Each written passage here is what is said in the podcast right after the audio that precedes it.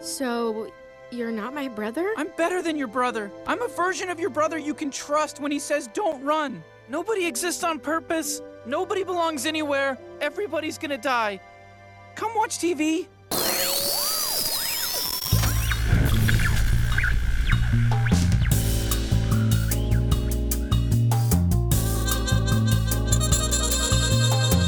De Zeepkast.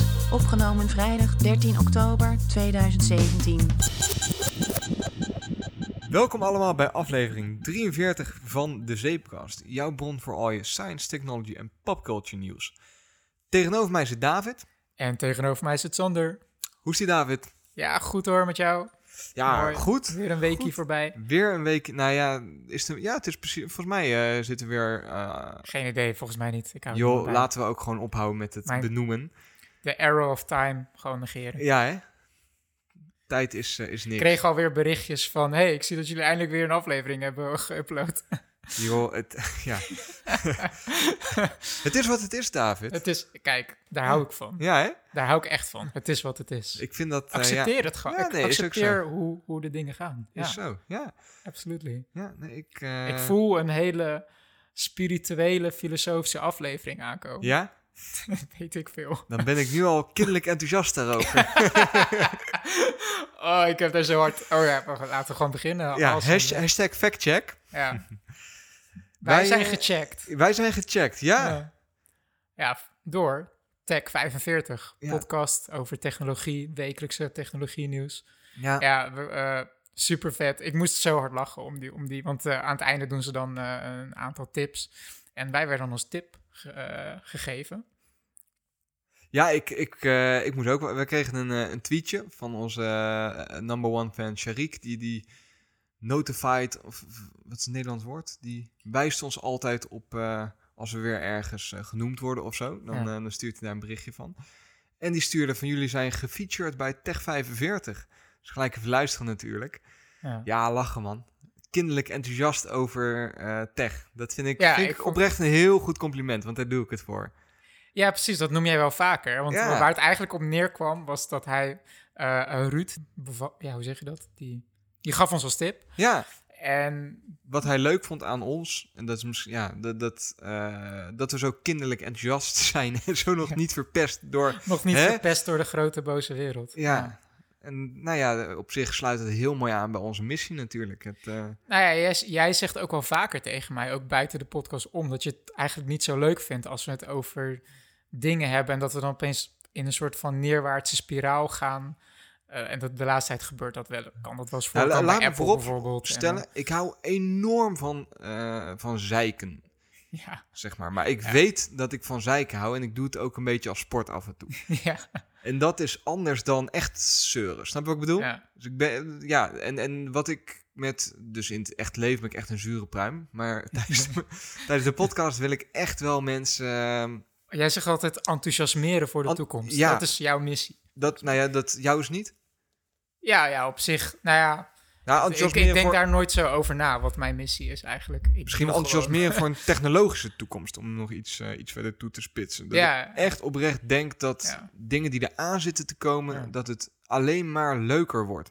Nou ja, een heel groot, groot voorbeeld is natuurlijk onze discussie over Black Mirror. Nog, dat vind ik nog, nog steeds een hele gouden discussie. Ja, Over dat ik het gewoon hele vette science fiction vind, die een soort van kritische potentiële nood heeft over de toekomst. En dat jij eigenlijk alleen maar gelukkig wordt van de aflevering San Junipero. Nou, maar dat, dat is nog steeds zo. En dat is op zich denk ik met mij meer mensen. Want dat is wel de aflevering die tijdens, ik geloof, de Grammys in de, in de prijs is gevallen.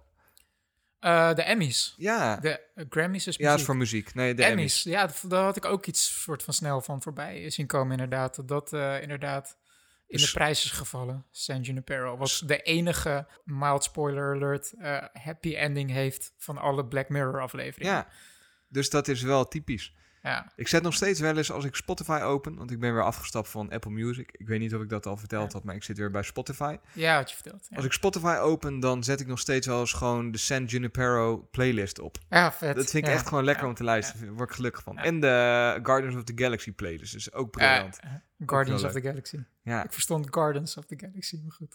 nee.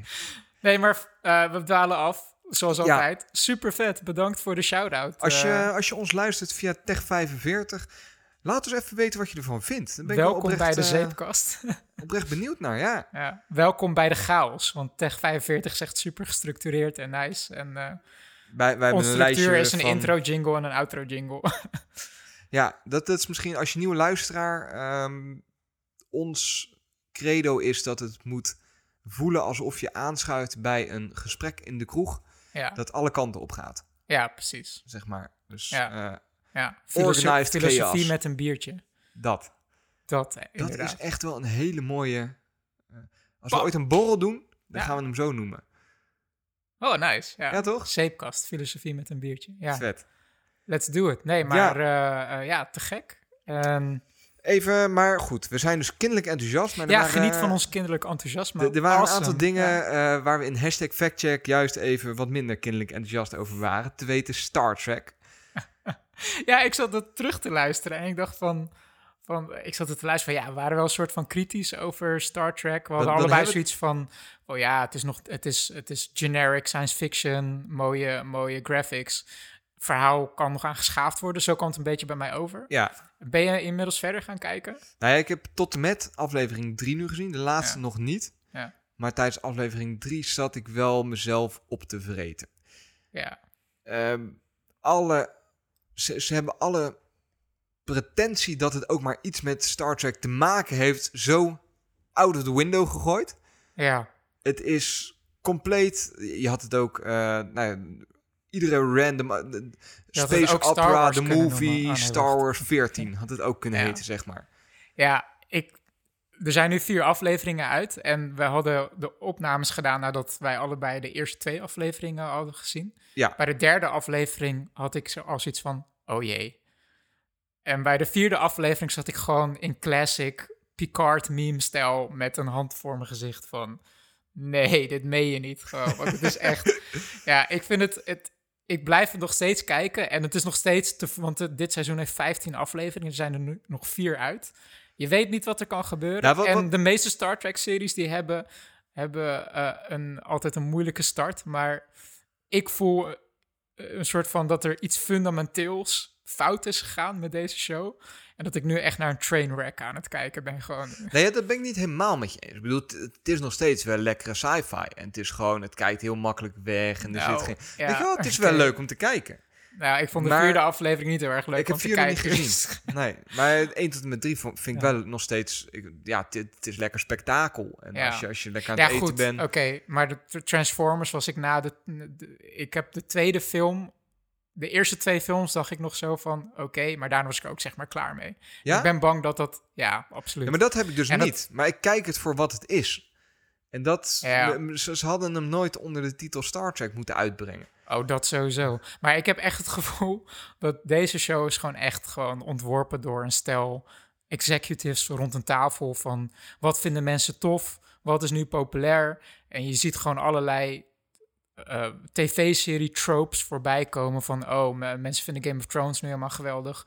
Onverwachte, eh, eh, onverwacht dat characters doodgaan en zo. Laten we dat in Star Trek gooien en zo. Ik is van nee, dit is, dit is dom, Ja. zeg maar. Het is om makkelijk te scoren. Het is precies, maar er is één fundamenteel ding wat mij, wat mij nu gewoon echt de rest van de show gewoon echt zwaar gaat irriteren. En dit is misschien een mild spoiler. Ja. Dus als je, als je echt helemaal niks wil weten, skip dan even vier minuten of zo.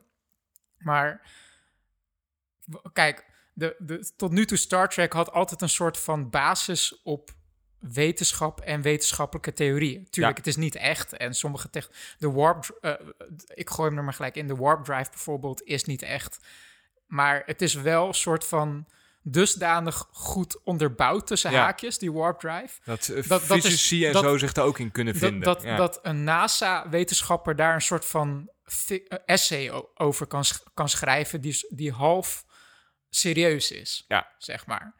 En er zijn boeken, eh, bijvoorbeeld de, de kosmoloog Lawrence Krauss, die dan een boek kan schrijven, The Physics of Star Trek, Mhm. zeg maar, waarin hij dus die, die concepten uit Star Trek soort van. Oké, wat als we een paar aannames doen van oké, dit deze theorie kan echt en dit en dat. Ja, hoe zou dat dan werken? Nu hebben ze eh, in, in, in de nieuwe Star Trek hebben ze een nieuwe technologie geïntroduceerd. En dat wordt nu al de. eh, ik weet niet of dat al in de show zo wordt genoemd, volgens mij wel, maar de Spore Drive. Dat is in aflevering 3 In aflevering ja. 3 wordt die al genoemd.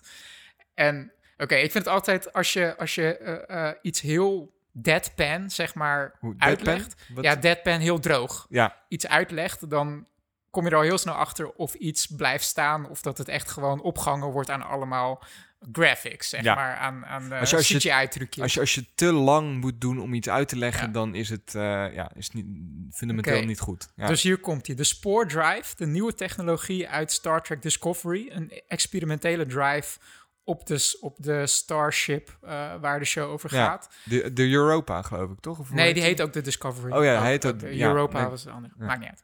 Ehm, ze, hebben dan, eh, ze gooien dan even de theorie op je schoot van...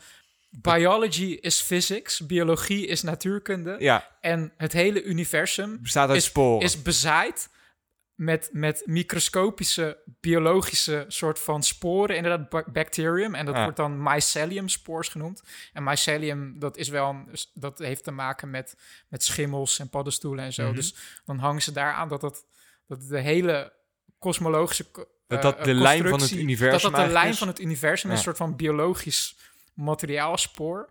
En dan hebben ze een, een alien ontdekt die ze in een soort van kamer kunnen stoppen. En die alien onthoudt dan alle locaties van het universum.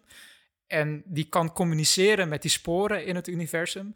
En op basis daarvan kunnen ze die alien, wat, een soort, wat je moet zien als een soort van bruut, niet een, een intelligent wezen die kan praten, Nee. net als de Vulcans en de Klingons, maar een soort van, eh, eh, ja... Beer. he- Ja, precies. Precies, een grote beer gewoon, die blijkbaar alle locaties van het universum kent. Ja. En dan kunnen ze hem een instructie geven van wij willen daar naartoe. Dat geeft hij door aan die sporen die bezaaid zijn in het universum. En dan kunnen ze daar naartoe teleporteren. Logisch. Ja, Maar het- ja, je, je, je, je ik, ziet... ik, ik wacht al met smart op de volgende NASA-paper over de spoordrive. Het is, ja, je, je kan er niks zinnigs over zeggen. Ja, ik vond, ik zat, dat was dus aflevering 4, daar werd dat een soort van uitgebouwd. En toen zat, had ik echt zoiets van, nee, ik accepteer dit niet. dit, is gewoon, dit is gewoon dom. Wie heeft het bedacht?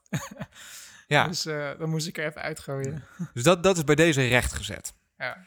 Dan wou je nog iets rechtzetten. En dat was namelijk, eh, afgelopen aflevering kwam die heel kort even voorbij. Dat was de Ja. Vitruvian Man van, eh hoe heet die, van Vitruvian da, Man Da van, Vinci. van ja. Da Vinci, inderdaad. En toen zei ik in mijn kinderlijke Dus enthousiasme... dat is die wel de bekende tekening van een man die zijn armen en benen eigenlijk gespreid heeft en een cirkel om hem heen. Ja, en een vierkant.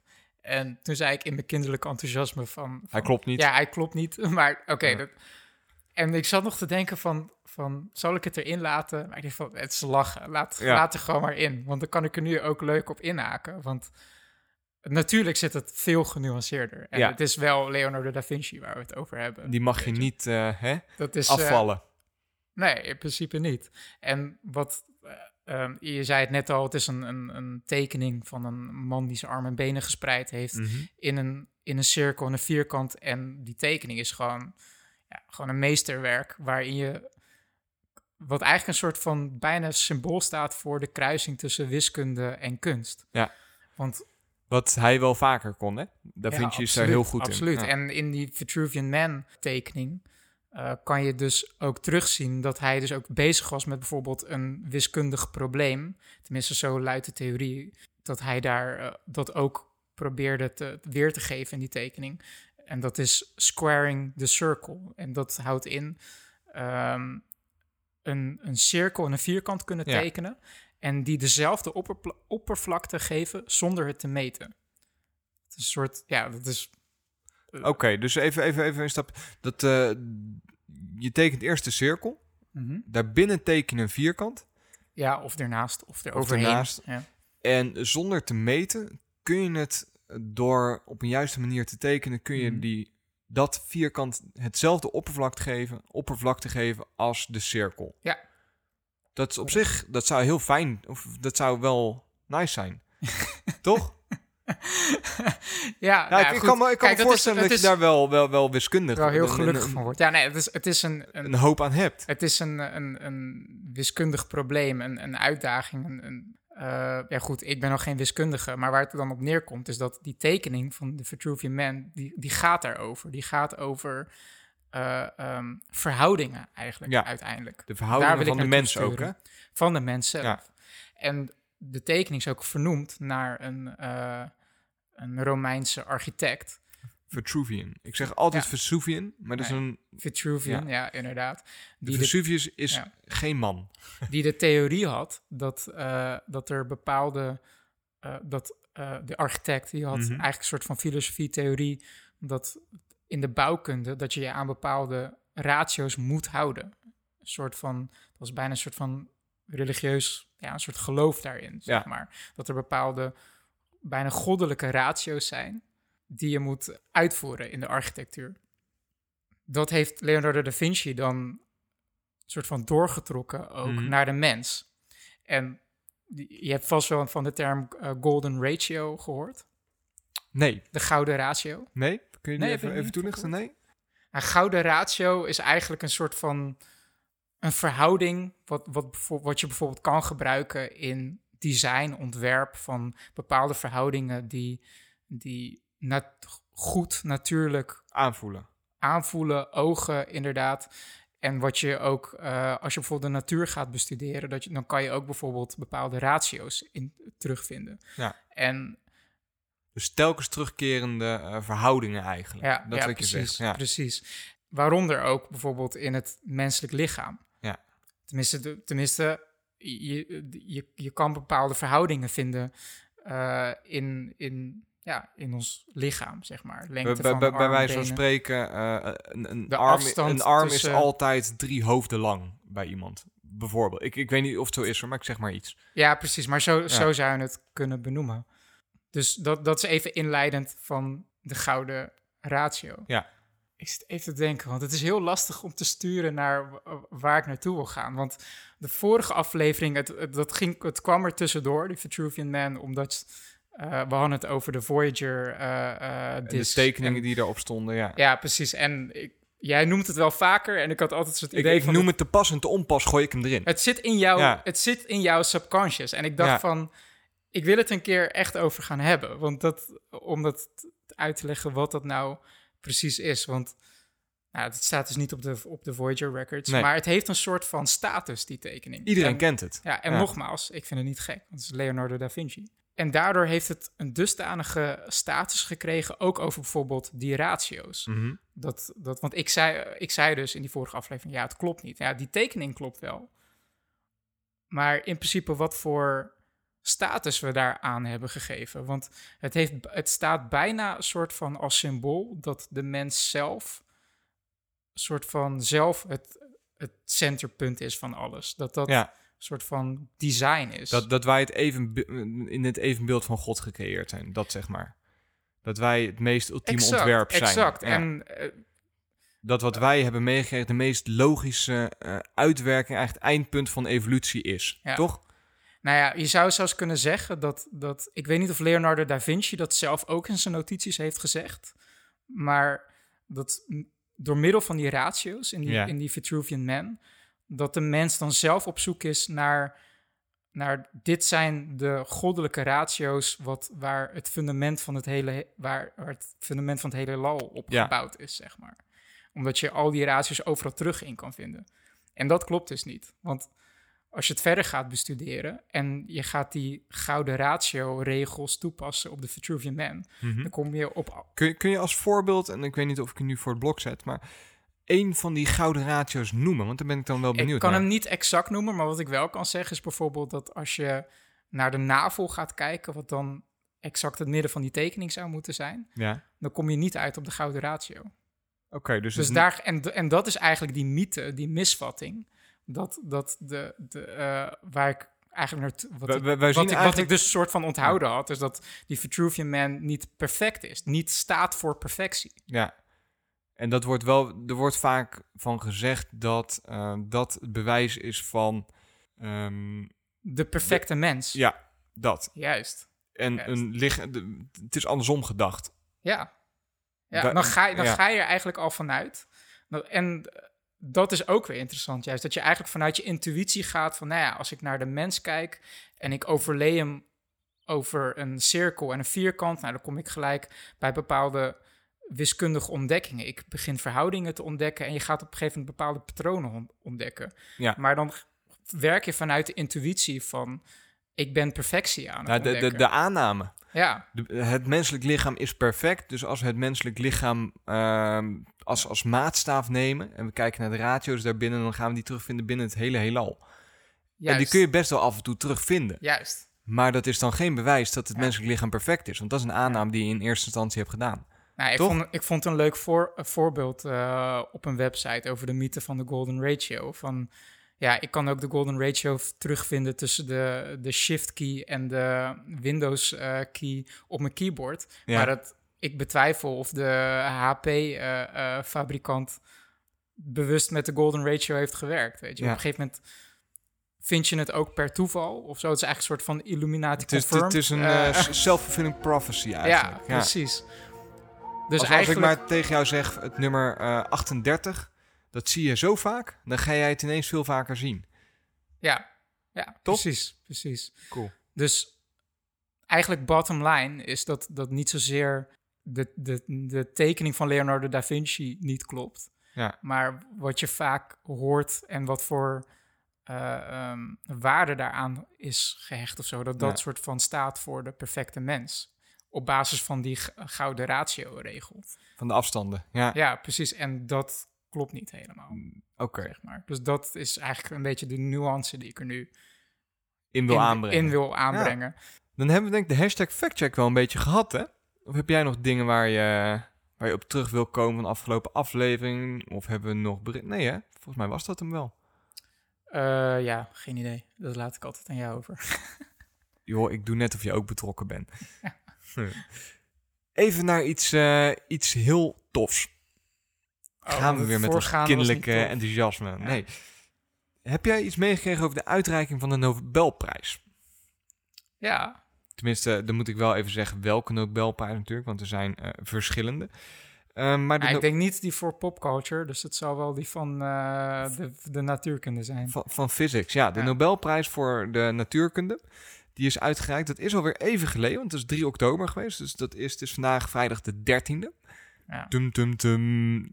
Dus dat is tien dagen geleden. En Ja, Ja. we willen er toch even bij stilstaan. volgens mij was daar ook geen discussie in mogelijk. Was er maar één project waarnaar die Nobelprijs kon gaan. Ik weet trouwens niet eens wie de andere genomineerden waren. Maar dat was de ontdekking van... eh, ik denk niet zondag met Lubach in ieder geval. Nee, nee. was de ontdekking van ruimtegolven. Ja, ik blijf, dat blijft echt... Ik, ik krijg gelijk weer een glimlach op mijn gezicht als ik daarover nadenk. Ja. Als ik daar dingen over... Het is gewoon... Een van mijn hobby's is, als ik een keer... of als ik wat tijd over heb... dan lekker gaan zitten en gewoon daarover lezen. En ik snap maar de helft. Sterk, eh, Ja. Ik snap maar een kwart, zeg maar. Ja. Maar wat heel aanstekelijk daarin is, is het ontdekkers-DNA dat daar nog heel erg in zit. Snap je wat ik bedoel? Ja, Ruimtegolven stellen ons in... is eigenlijk echt een, een, een extra zintuig dat we hebben gekregen. Daar hebben we het ja vorige keer ook over gehad. zwaartekrachts- eh, zwaartekrachtsgolven. Ja, Ja, dus een extra zintuig dat we hebben om nu eh, extra eh, waarnemingen te doen in het heelal. We hebben oren gekregen. En we zijn nu heel hard bezig, want we zijn nu echt nog een baby daarin. Ja. Dus we hebben gewoon één keer eh, nu zwaartekrachtgolven waargenomen. Oftewel het, ja, de golven in ruimte-tijd. Mhm. En daaraan kunnen we con- conclusie, want puur het waarnemen zelf is op zich, ja, ze is tof, maar dat is niet het spannendste eraan. Maar het leukste eraan is dat je er ook iets door te weten komt. Je, je, je kan nu, eh, laten we nu voor het gemak over zien spreken. Je kan nu plekken zien die we eerder nog niet konden zien. Want we waren helemaal gebonden. We hadden eigenlijk alleen maar ogen waarmee we konden kijken. We Ja. konden alleen maar eh, elektromagnetische golven, licht konden we zien. En dat is tof, maar, maar dat is ook heel beperkend. Want Ja. licht kan niet overal schijnen. En nu kunnen we dus eigenlijk heel veel verder zien. En daar hebben we het allemaal al eerder over gehad. We hebben Ja. een keer uitgelegd hoe dat een beetje werkt, zeg maar op zijn houtje touwtje. Want wij kennen ook de ins en de outs niet exact. Maar wat ik, ik word daar zo enthousiast van als je dan leest wat de plannen voor de toekomst zijn. Ja, en die zijn best wel ambitieus. Dat Want- is super ambitieus. Want Dit, het, het ding is, de, kijk, eh, ik wil er toch op inhaken, want ehm, neem als makkelijkste voorbeeld, ehm, want jij zegt net van we kunnen nu verder kijken. ja, en ik denk ook dat de reden is dat zij nu die Nobelprijs hebben ontvangen.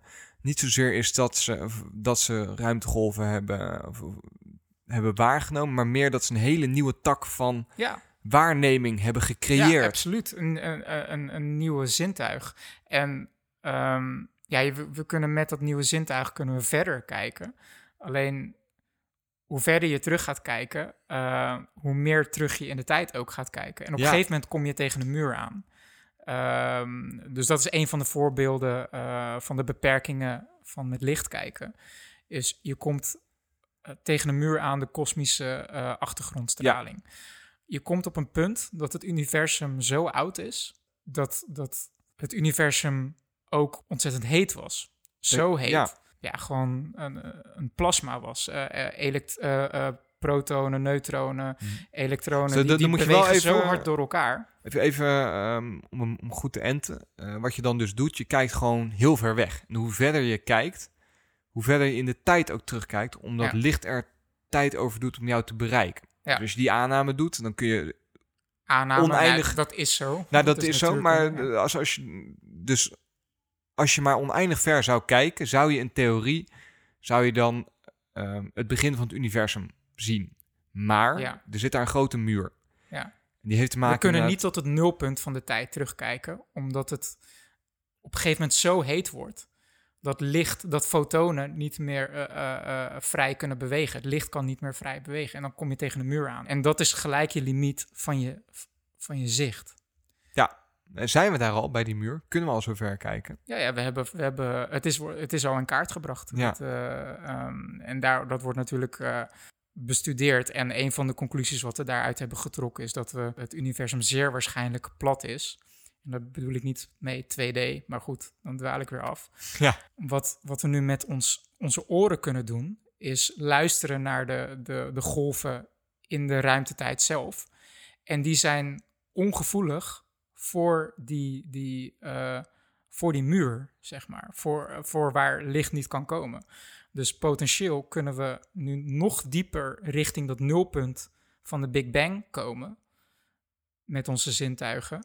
Achter die muur. Dus we kunnen echt, eh, nou, want wat je daarmee waar kunt nemen, dat zijn eh, ja, cosmic events. Hè? Dus dat zijn eh, ontploffingen, dat zijn nou, evenementen die, of ev- events, moet ik zeggen, niet evenementen, Ja. die ehm, Event trillingen, planner. Cosmic Event Planner. Nee. die trillingen in de ruimtetijd tot gevolg hebben. Nou, Ja, die zullen ja, er vrij veel geweest zijn in dat begin. Want in dat begin is het best wel een grote oersoep Ja, dan spreken ze inderdaad op dat punt dat ze de, kunnen meten hoe de ja, kwantumfluctuaties zich eh, gedroegen.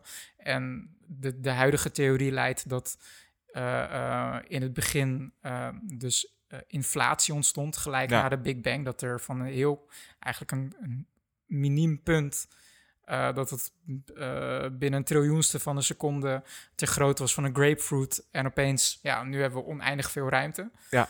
Ehm, dat dat zo snel gebeurde, dat, dat de kwantumfluctuaties die in het, in het superkleine quantum level zich afspeelden, dat die van invloed zijn geweest op hoe ons universum nu eruit ziet en hoe de materie over het universum eh, eh, verdeeld is. Want je zou kunnen zeggen van er zijn een soort van bubbels van leegte en, en ja, groepen en muren en clusters van waar er veel materie is, waar heel veel sterrenstelsels zijn Ja. en zo. En de theorie luidt is dat dat er zo uitziet, Dus omdat eigenlijk is, is, is, eh, is, is alsof een brood ontzettend snel is gaan rijzen in de oven met allemaal luchtbubbels, zeg Ja. maar. En dat is zo snel gebeurd dat dat komt door die kwantumfluctuaties. En dat is een theorie. En dat zouden we dan met een... Weer, in theorie zouden we dat kunnen meten met... eh, op basis van die, die, eh, die ruimtetijdgolven achter die muur van de kosmische straling. Dat is, als je daarover gaat lezen, dat is zo interessant. Want we zijn dus nu al bezig in China met een extra eh, nou, sensor. Dus we hebben in. Amerika, Japan. uh, excuus, in Japan. In Amerika hebben we LIGO. Ja. Dat is de, de sensor die daar Ja. zo En staat. dan zit er nu ook nog eentje in Italië. En En ze gaan er nu in Japan nog eentje maken, Ja. een grote, grote berg. In Europa zijn ook weer eh, plannen voor een nieuw, nieuw centrum. Die staan Ja. nog heel erg in de kinderschoenen. Eh, Ja. het, het Einstein Observatorium. Eh, Ja. Maar dat gaat er waarschijnlijk of misschien ook komen.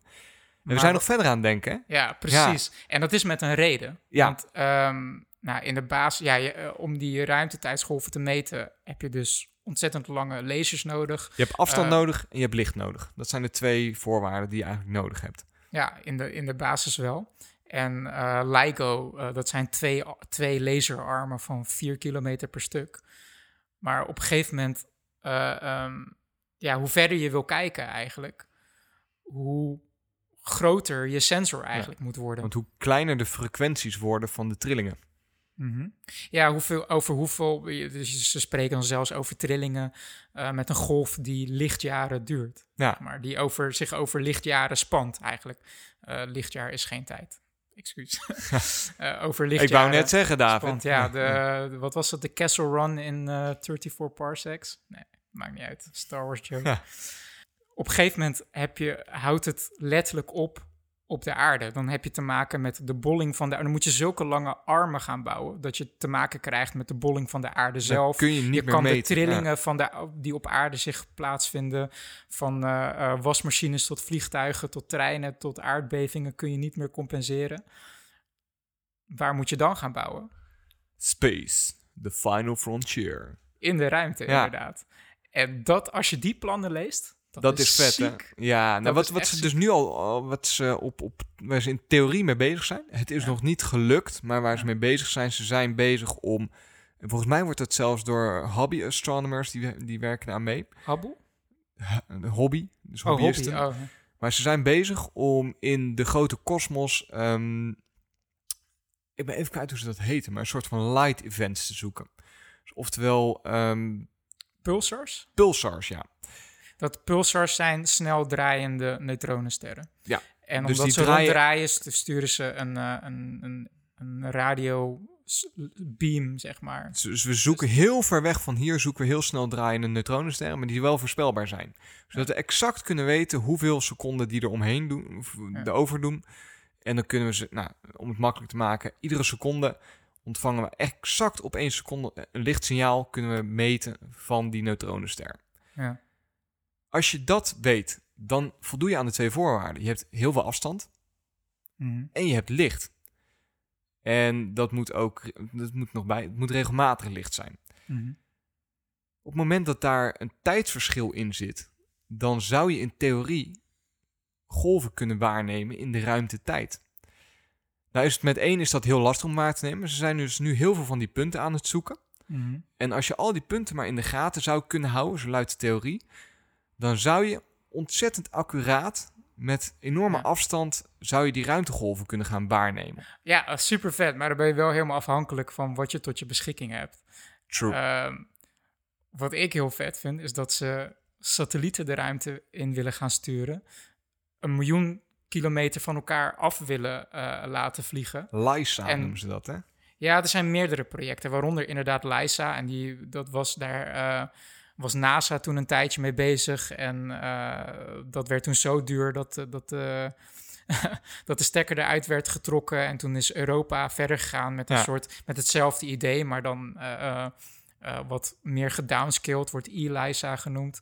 En dat loopt nog steeds, die plannen. Maar het concept is dus dat je dan twee satellieten dus ver van elkaar vandaan af laat vliegen en dan een laser naar elkaar laat sturen. Dan heb je eigenlijk gewoon LIGO, maar dan in de ruimte. Ja. Alleen het zieke daaraan is dat je dus de, ervoor moet zorgen dat je twee satellieten hebt die praktisch niet bewegen, doodstil staan en naar, en naar elkaar een laser sturen, maar die wel uit een raket komen die ontzettend hevig is gaan trillen.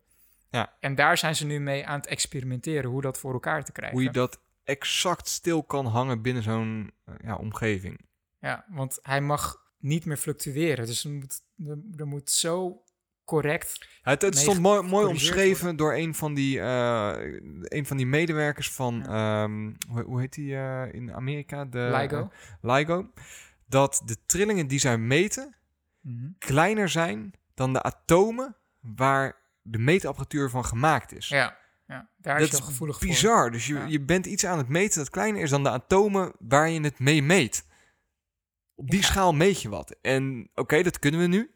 Dan is de volgende stap dat we datzelfde gaan meten. Met miljoenen kilometer as- afstand ertussen. Ja. Dat, dat, dat kun je bijna niet meer beseffen. Met een dat is- apparaat die de ruimte is geschoten in een raket. Ja, Die ontzettend veel momentum en trilling eraan meegeeft. Ja, dat wordt nog spannend. Awesome. Ja, ik ben heel benieuwd of het als gaat dat, lukken. stel dat, eh, denk duizend jaar in de toekomst. Mhm. We hebben deze, want we zijn nu heel hard bezig om dit nieuwe meetinstrument echt te masteren, om daar echt, eh, echt in thuis te worden. Dan kunnen we zoveel meer in beeld gaan brengen. Misschien eh, zorgt dat er wel voor dat we een spoordrive kunnen maken waarmee we kunnen teleporteren. Ja, Nee, flauw. het rare is dan, als je zou teleporteren met je spoordrive, dan gebeurt het natuurlijk instant. Ja. Dus dan teleporteer je naar een staat miljoenen lichtjaren verderop, Ja. waarvan je alleen weet hoe het er zoveel miljoen jaar miljoen geleden uit uitzag. heeft gezien. Ja. Als je daar nu komt, is het Ja, misschien wel heel anders. Ja, inderdaad. Zo, dat zou wel Dus die spoordrive, hè, dat is even, die, die lost een hoop op. Nee, maar ja, daar wouden we nog even bij stilstaan. En, Ja, eh, ik, eh, daar word ik echt heel enthousiast van. Dat vind ik echt heel leuk. Nice. Toch? Wat hebben we nog meer? eh? ja, jij wou nog even... Je hebt de talking points list. Ik heb het, ja, daarom. Daarom zeg ik ook ja. The Witness, David, op de talking point list. En Ja. je hebt me al een beetje... Oké, hoe het is gegaan. David heeft mij één filmpje gestuurd. Dat is Ja. een filmpje van Dragon Ball. Niet Dragon Ball Z, maar gewoon Dragon Ball. Ja. En de boeddhistische inslag schijnbaar van Dragon Ball. Ja, Nu je was- dat weet, fire away David. Vertel, The Witness. Ik ben heel benieuwd. Nee, oké, nou laten we dan in- inderdaad daarmee beginnen met dat Ja. filmpje wat ik jou heb gestuurd. Want eh, ik had Sander inderdaad dus gewoon een YouTube-filmpje gestuurd over, eh, ehm, ja, wat je net zei, dus Dragon Ball. David weet dat ik groot Dragon Ball en Dragon Ball Z fan ben. Ja, precies. Dus ik denk van, ja, dit gaat Sander tof vinden. Want ik volg al een tijdje een YouTube-kanaal, die heet Wisecrack. En Wisecrack is eh, een kanaal die probeert altijd de, ja, om de filosofische achtergrond te vinden binnen popculture. Dus die analyseert bijvoorbeeld Rick and Morty of The Matrix of in dit geval Dragon Ball. En die kijkt dan van, van wat... is probeerde de schrijver ja. te zeggen en welke filosofische of, eh, filosofen van Kant tot de, de Oosterse boeddhistische denkwijze kunnen daaraan verbinden en welk, wat, wat zien we daarin Ja. en wat voor lessen kunnen we uit deze eh, eh, actiefilm of tekenfilm kunnen we kunnen vinden. En dat gaat best wel ver, maar is heel vet geëdit en eh, ja, ik hou er altijd wel heel veel plezier uit. Want ze, ze weten altijd net bepaalde dingen eruit te vinden van, van, van oh wauw, zo had ik er nog niet eens tegenaan gekeken, Ja. zeg maar. En dat vond ik, dus de- dat is sowieso een, een tip, een aanrader, de YouTube-kanaal Wisecrack. Als je eh, gewoon van popculture houdt, van tv-series, van Stranger Things tot de Marvel Universe. En eh, dan krijg je toch nog een soort van, eh, ja, filosofieles, zeg maar, Ja. via Wisecrack. Zeg En maar. als je op een verjaardag bent, dan heb je altijd iets heel tofs te vertellen. Intelligents te ja, vertellen, dan ja. kom je echt super wijs kom je over. Ja, ja, precies. Ik ga dat nu ook doen. Als ik op de volgende verjaardag ben, ik bedoel, mijn generatie is natuurlijk allemaal Dragon Ball, dan kan ik vertellen van, ja, wist je dat Dragon Ball eigenlijk een heel boeddhistisch verhaal is? Nou, Ja, precies. Want hoe vet is dat? ja, precies. Maar hoe kwam dat toen bij jou over? Want ik stuurde dat naar jou. Vond je het te ver gezocht? Vond je het te ver gaan? Nou ja, ik merk van, dat ja, ik, eh, ik moet me er wel voor openstellen. Ja, precies. Ehm, ik ben heel erg niet religieus en, eh, en, en nou ja, zweverig, maar daar doe ik het misschien te kort mee. Maar Ja. om, om het een beetje aan te geven, ik vind het moeilijk om me voor dat soort dingen open te stellen. Dat weet ik van mezelf, Ja. dus ik probeer dat wel te doen. ja, ik moet niet met Deepak Chopra bij jou aankomen. Nee, ja, dat moet je ook niet eh, bij mij doen trouwens. dat soort, ik, ik vind dat lastig, maar ik denk dat ik daar af en toe te hard in ben. En dat ik Ja. daar wel wat meer over zou mogen nadenken. Dus dat weet ik van mezelf. Oh, dus ik ben er open-minded ben ik erin gegaan. ja, Ehm, boeddhisme heb ik altijd. Ze zit, dus als je alle ehm, religies op een schaal zou zetten, dan zou boeddhisme ook bij mij best wel eh, non-invasive zijn. Snap je wat ik Ja. bedoel? Dat is de religie waarin ik misschien het snelste. eh, ja, ik wil trouwens het- de topic religie wel een beetje vermijden. ja, nee, maar dat, dat gaan we ook doen. Maar meer, ja. meer om, om Ja. even te schetsen hoe ik daarin sta. Dus ik kreeg dat filmpje van jou. En het lastige vind ik dan, want in dat filmpje dan vind ik dat ze af en toe best wel ja, hoe leg je dat uit? Grote aannames doen. Of grote... Op het moment Ja? dat ze zeggen de Dragon Balls, Ja, die eh, kun je zien als in boeddhistische leer, in boe- boeddhisme. Het, het is gespiegeld aan een heel oud boeddhistisch verhaal waarbij ja. op een gegeven moment een... Journey een- to the West. Journey to the West, een stel eh, travelers, die krijgt gezamenlijk krijgen die een stel scrolls. En die blijken sc- uiteindelijk, leeg te eigenlijk. zijn. Ja, weet je wel? Ja. En dan zeggen ze dat ze hetzelfde voor de Dragon Balls. Want die zijn niet goed en niet slecht, maar ze zijn een means to an end. Dus zij krijgen die Dragon Balls eh, krijgen ze mee. En omdat ze heel die journey afleggen ja, en daar uiteindelijk achter komen van het ging helemaal niet om de Dragon Balls, ja, maar het ging om de reis en de reis maakt je wijzer. Dan ja. denk ik, oké, dus maar dat, dat is, klopt dan toch? Ja. dat schijnt bij heel boeddhistisch, hè? ja, ja, precies. Maar als ik een verhaal schrijf, schrijf ik dat misschien ook zo. En dan is dat niet per se met... Ja, je bedoelt eigenlijk het hetzelfde met die gouden ratio van dat er iets gevonden wordt, wat je Basje veel meer plekken kan vinden. Basje en Adriaan. Ja. Ik heb het nooit gekeken. Maar mijn vriendin wel, en die verklaart me altijd wacht, gek. wacht, wacht, ho, ho, ho. Heb jij nooit Basje en Adriaan gekeken? N- Nee, ik, ja, dat was gewoon niet mijn ding. Wauw. Daarom heb ik ook zo moeite met links en Oh, rechts altijd. Oh my god. Ah. Oké, oké. Komen we een andere keer op terug. Maar goed, Basje en Adriaan. Uiteindelijk eindigt dat hetzelfde. Met, eh, dan zijn er geloof ik altijd pakketjes of zo. En uiteindelijk is de, de boodschap van... ja, we wouden de kindjes van de wereld wouden we meenemen op een reis om Ja. ze wijzer te maken. En je gaat mij niet vertellen dat de schrijvers van Basje en Adriaan... boeddhistische monniken zijn die dat geschreven hebben. Snap je wat ik bedoel? Ja, ik Dat snap wat je bedoelt. Ik snap wat je bedoelt. Dat, grappig dat we het hierover hebben. Eh, dat de, de, de leer van de, de reis is belangrijker dan de eindstation. Dat, dat, Heel snel geprojecteerd iets- kan worden dat op je een bijna verhaal. iets kan zeggen dat dat iets universeels is. Een Ja. soort van...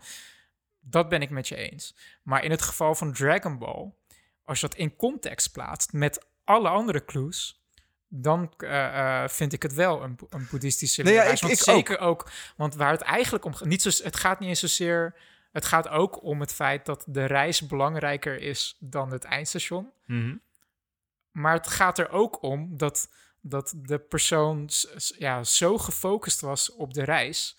Van, van in, in Journey to the West, van ja, je moet deze. Ja, misschien, moet, belangrijke- misschien moet ik hem even terugpakken hoor. Want dus Ja. Dragon Ball, eh, dat is de voorloper van Dragon Ball Z. Ja, Dragon Ball Z heeft echt iedereen, eh, denk ik van onze generatie wel een beetje gekeken. Zeg ik een jaar of 28.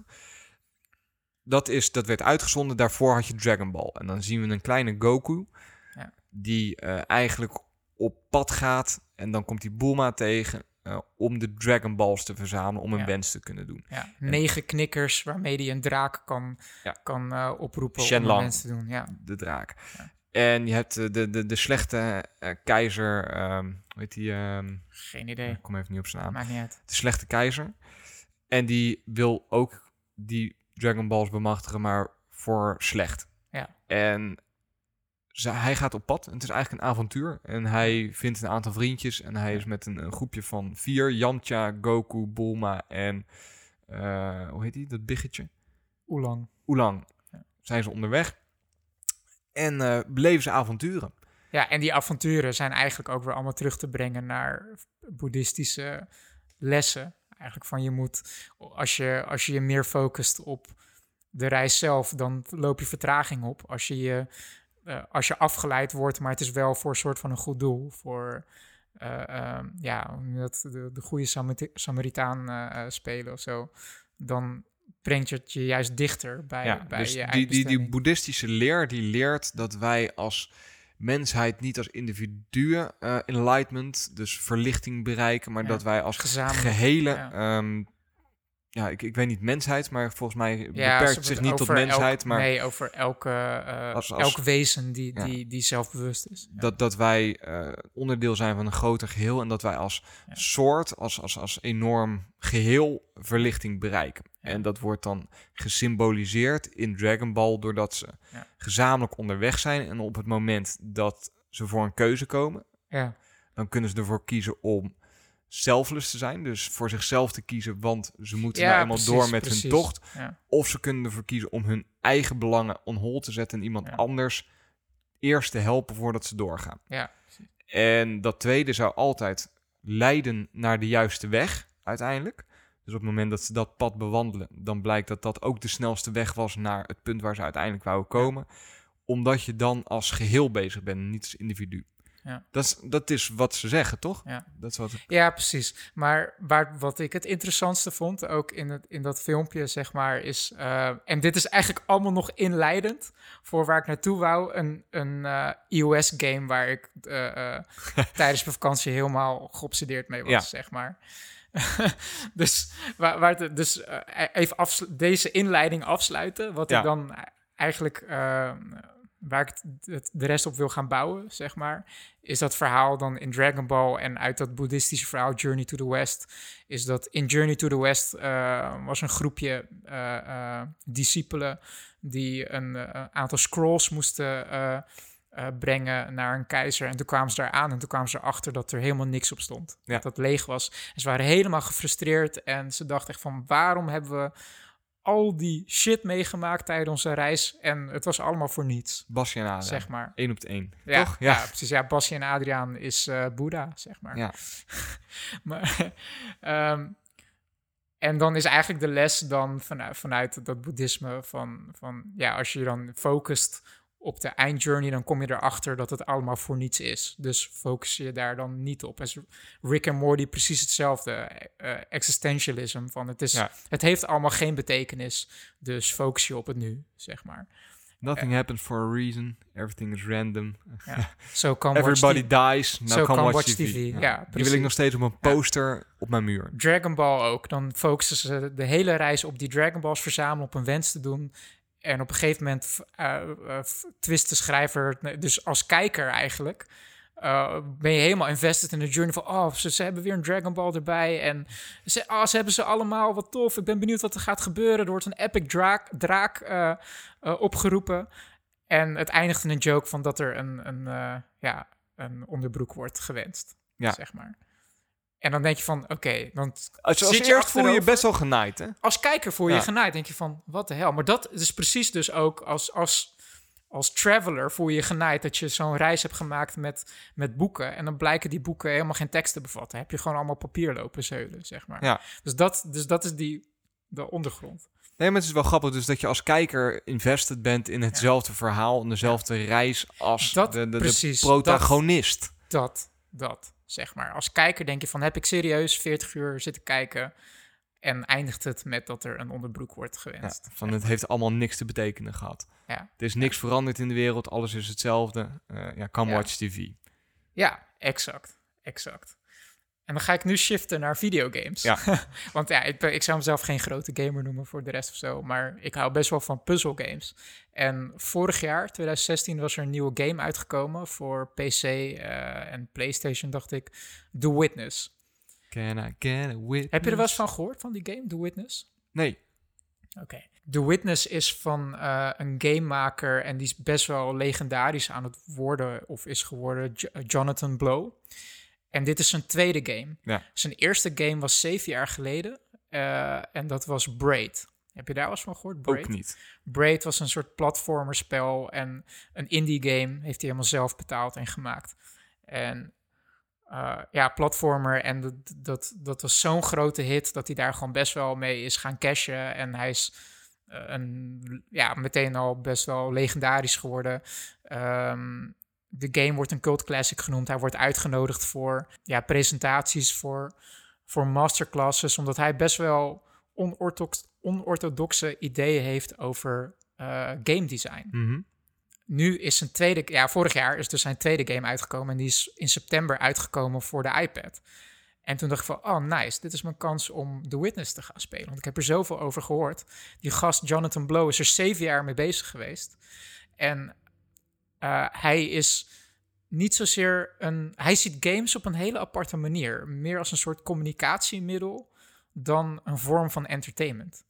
En dat is meteen al gelijk cruciaal, zeg maar. Want waardoor ik denk van... Ik zou zelf The Witness echt aanbevelen. Ja. Maar niet als entertainment. Maar bijna een soort van als boeddhistische gelijkenis, zeg maar. Ik heb best wel een soort van zieke experience ermee gehad of Ja? zo. Het heeft me best wel een soort van kapot gemaakt en opnieuw opgebouwd. Oh, Want wauw. het is een, Nee. het is een, dat klinkt echt super dramatisch, maar het is wel zo, soort van.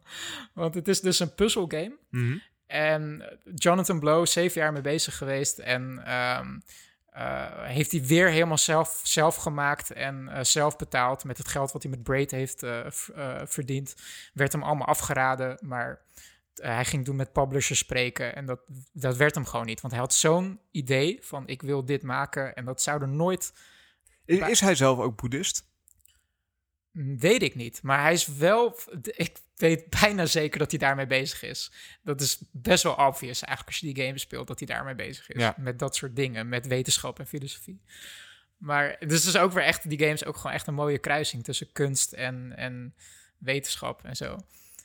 Maar goed, dan, ja, dan moet je wel naar zoeken of zo. Dus ik denk dat als nuchter persoon, dan ga je het gewoon niet snappen. Dus dat is een beetje de valkuil eh, van de game. Eh, dus grappig dat je ook aan het begin zei van ja, je moet je ervoor openstellen. Want Ja. voor The Witness moet je je zeker openstellen. Want anders denk je echt na twee uur van eh, laat, laat maar zitten, ik heb hier echt geen zin in. Wat mij initieel aantrok aan The Witness is, ik ben best wel een fan van puzzle games en vooral gewoon, eh, eh, we hebben het wel eens gehad over The Room. The Room, The Room Escape 2. rooms vind ik ja. helemaal geweldig. Gewoon een soort van games waarbij je een soort van logisch moet nadenken en dan opeens zie je de oplossing en Ja. dan kan je weer een stap verder. En ehm, ik was vroeger ook altijd fan van Myst. Dat was echt een super, super oude game, klikken, point-and-click game waarin je puzzels moest oplossen op een soort van eiland. En The Witness speelt zich ook af op een eiland. Een eiland vol met puzzels. Puzzle-eiland noemen we Het het. eiland zit vol met 600 puzzels. Wauw. Ik heb er nu 400 gedaan of zo. Maar ik heb het spel wel uitgespeeld, maar er zijn nog echt nog allemaal verborgen. Extra puzzels. Ja, genoeg. Dus ik denk van, oh nice. Het, het werd ook soort van vergeleken met Mist. Dus dacht van, oh, dit is echt voor mij. Ja. Dus ik die game downloaden. Jij zat in, eh, in Frankrijk op het strand. Ja. Ja, precies. Het is irritant je op het strand met een iPad die geen anti-glare heeft, heeft. ja. Werkt niet, man. Nee. Dus dan ging ik ook maar... Ja, goed.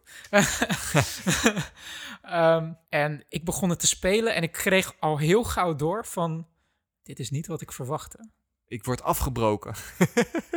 Hoe bedoel je? je Nou, wordt- dat zeg je net, dat je bent afgebroken en opnieuw opgebouwd. Ja, nee, goed. Dat gaat... Nee, goed, daar kom ik dan zo op terug. Want waar die hele game op gebaseerd is, is lijnpuzzels. Je moet je voorstellen... Nou, ik moet misschien nog één stap terug. Wat Jonathan Blow probeerde met deze game, wat zijn Ja. missie was, is een game maken waarin hij communiceert naar de gamer zonder tekst, zonder, eh, eh, zonder een tutorial, zonder uit te leggen dit moet je doen. Je wordt gewoon gedropt op het eiland Mhm. en puur door visuele clues, Ja. eh, door ja, een soort van dit is het, eh, eh, ehm, Succes. succes. Ja. Trek hier maar aan, druk hier maar op, Doe kijk, maar kijk maar wat er gebeurt. Dan vind je vanzelf wel uit wat je moet doen. Ja. Dat was het idee. Zijn er ook meerdere oplossingen dan? Of is er maar één oplossing per Nee, puzzel? Er is maar één oplossing per puzzel. Is er maar één oplossing. En die puzzels worden zo opgebouwd Ja. dat je op een gegeven moment de verborgen regels van de puzzels leert kennen. Het is alsof je een bordspel gaat spelen zonder handleiding. En elke keer als je het spel fout speelt, dan eh, kan- eh, kom je niet op het einde van dat bord. Ja. Totdat je hem goed speelt. Of van, oh, dit, dit is, de regel is, ik moet drie Altijd ik je... moet altijd drie vakken overslaan en ik moet eh, twee keer op rood eindigen en dan kom ik op het einde van de puzzel. Ja. En dat moet je dan puur door trial and error moet je dat Dus ontdekken. de tweede links moet je nooit pakken, want dat is altijd sudden death. De Precies. derde links, die is altijd Precies. goed, maar dan moet je wel gelijk rechts. Ja. Precies. En dat zijn steeds allemaal van die mini-puzzels. Het hele eiland zit vol met soort van schaakborden. Vier, eh, een bord die verdeeld is in kleine vakjes, Ja. waar je langs de randen een lijn kan trekken.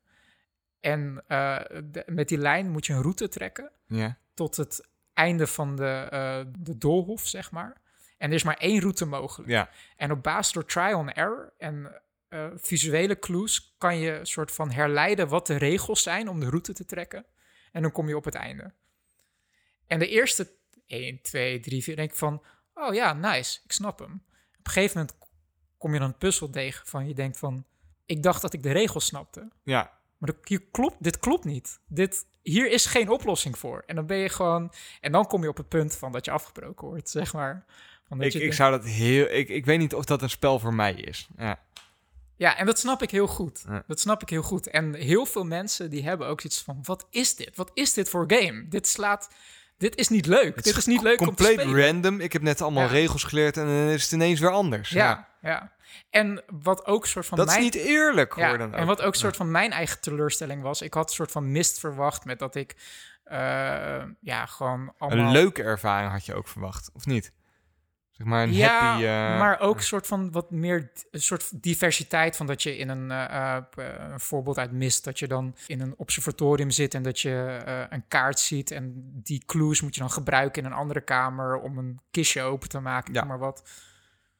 The Witness is alleen maar dat concept wat ik net uitlegde, lijnen trekken op vierkantjes. Dan toen dacht ik ook van waarom heeft hij een heel eiland, wat echt super mooi gemaakt is. Met, eh, eh, ja, het is gewoon een berg in het midden en allemaal verschillende soorten biomes en super vet ontworpen. Waarom heeft hij een heel eiland gemaakt als het gaat om lijnen trekken? Waarom heeft hij niet gewoon een game gemaakt met een schermpje? Oké, lijnpuzzel, volgend schermpje. Ja, lijnpuzzel, gewoon één, volgend- twee, weet je wel, dat je van die... Ja. Ja. Dus ik was ook soort van teleurgesteld van, is dit het? Ga Ja. ik gewoon alleen maar op dit virtuele eiland rondlopen en proberen lijnpuzzels op te lossen die allemaal verschillende regels hebben? ja.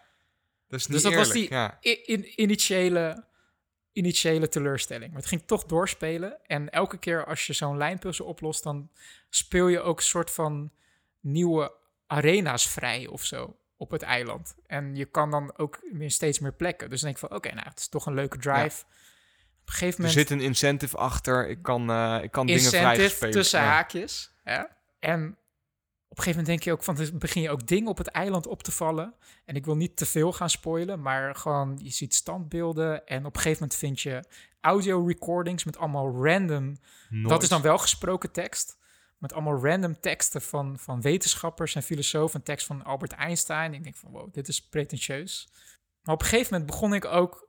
eh, eh, eh, en to- toen kwam er een soort van quote van een, van een ja, toch van een boeddhistische leerschool. Mhm. Wat toen bij mij triggerde. Wat bij je binnenkwam, ja. Ja, van dat, dat er ook in de... Dus wat al die wetenschappers niet gelukt was om echt binnen te komen, dat lukte een boeddhistische quote wel. Ja, gek hè? Ja. maar er was een soort van, van quote van dat, dat eh, over een bepaalde vorm van zen-boeddhism. Dat, je, dat, dat ze er eigenlijk wat ze in die zen proberen te creëren, is ja, een soort van, dat noemt, hij dan een inte- intellectuele catastrofe. Dat je zo verward raakt door iets zo onlogisch. Bijvoorbeeld een puzzel die maar geen oplossing lijkt te hebben. En opeens zie je hem. Dan denk je van, wacht, dit is misschien een extra regel waardoor ik hem kan oplossen. En bam, je hebt hem. The method in the Rinzai school, however, is to put the intellect to work on problems that have no logical resolution. Such problems are known as koans. According to tradition, there are 1,700 such conundrums in the Zen repertoire. And their common aim is to induce a kind of intellectual catastrophe, a sudden jump. The sole purpose of studying Zen is to have Zen experiences, sudden moments, like flashes of lightning, when the intellect is short circuited and there is no longer a barrier between the experiencer and reality. En die release is zo sick. Ja. Dat, dat, en dat noemen ze dan in die... In die Dat eh, noemen ze enlightenment. Ja, precies. Dat je op, een- op een gegeven moment een... eh, ja, je zou, je zou zweren dat er geen oplossing is, maar toch heeft het een oplossing. En het geeft zo'n openbaring ineens. En dan kan je opeens weer helemaal verder. Ja. Ja, ik- misschien even een mout voor de mensen die na mijn verhaal überhaupt nog de Witness willen spelen. En, ik denk niet dat jij hem gaat spelen, eerlijk gezegd. Ik ga wel proberen. Vind je het erg als ik zeg wat er gebeurt als je op het einde komt? Nee, doe maar. Maar zetten we wel even een spoilerhorn hier. Ja, een hele kleine. Oké, op het eiland zit in het midden zit een berg. En op een gegeven moment, op een gegeven moment had ik al zo'n vermoeden van... ja, dat gaat me leiden dat ik die berg op ga. Zeg maar, ook weer zo'n metafoor voor de journey, Ja. zeg maar. Dus op een gegeven moment ga je ook de berg op en je denkt van... wow, dit wordt vet. En je op een gegeven moment krijg je een overzicht van het eiland zelf... En dan blijkt opeens aan de top van, het, van de berg dat je ook de berg in kan. Ga je weer helemaal naar beneden. En je komt steeds weer, je voelt het. Je voelt het einde naderen. Ja. Je denkt zo van, wow, dit is... En de puzzels worden moeilijker en moeilijker. Ik en, voel hem aankomen. en dan kom je helemaal op het einde. En dan, eh, dan stap je een lift in. De laatste puzzel los je op. Ja. De lift stijgt, stijgt op. Ja. Er komt een soort van spacey muziekje. Je vliegt over het hele eiland. En je ziet alles dichtklappen. Al je, al je puzzels zie je verdwijnen. Alle deuren die je open hebt gemaakt zie je dichtklappen. En je denkt van, wat, wat, wat is dit? Ja. En dan vlieg je helemaal terug. Helemaal terug tot het beginpunt. De allereerste deur gaat dicht. En dan crasht de game. Serieus, hij heeft het zo Ja. geschreven dat er gewoon een bug in zit dat de hele game crasht. Yep. Oh, wauw. En ik zat echt, in- ik zat echt zo van. Ik voelde die leegte, zeg maar. Ja. Van, ik had al zo'n soort van vermoeden van er gaat, hij gaat me fokken. Hij gaat me fokken. En dan zit je daar en je denkt van oké, het is gebeurd. Maar is het op zo'n moment dan ook goed of voel je je verraden? Nou, toen opende ik die game weer. En ja hoor, je staat weer aan het beginpunt. En je kan weer helemaal opnieuw beginnen. Alles gereset. It was all for nothing. Al die moeite, al die pijn, al die revelaties eindigden in iets wat geen betekenis heeft. En denk je, Je van, waarom geen heb ik deze game of zo in je game center. Waarom heb ik deze game gespeeld? Je krijgt ook geen achievement in je game center of iets. Nee. Oh. Nee. Ja, You've got nothing to Nee. show for it. Maar toen ben ik gaan, gaan nadenken over al die quotes die ik tussendoor heb gevonden. En op een gegeven moment speel je ook een soort van tussen haakjes geheime ruimte vrij. Waar je een soort van zes eh, videotapes kan vinden. Een paar van, van echt van wetenschappers die over space praten en zo. En het was echt wel bizar. Echt gewoon lectures gewoon Ja. krijg je. En dan heb ik gewoon in... eh, dat was toen nog in Frankrijk. Toen zat ik in mijn Airbnb, eh, eh, lag ik in mijn Airbnb-bedje. En toen zat ik op een gegeven moment naar een lecture te kijken van 20 minuten van zo'n gast die over het nu sprak.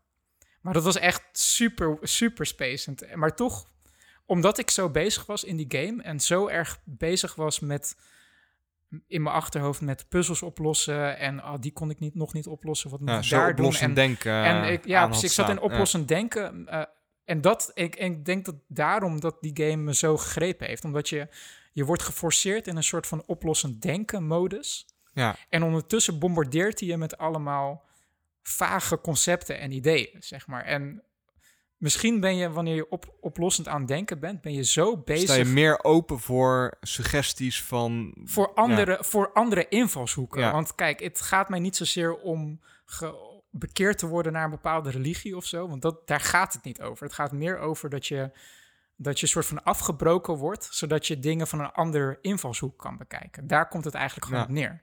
En dan zat ik dus in mijn Airbnb-bedje naar een lecture te kijken van 20 minuten van zijn gast die over het nu sprak en alleen maar in het, in het, in het nu leefde.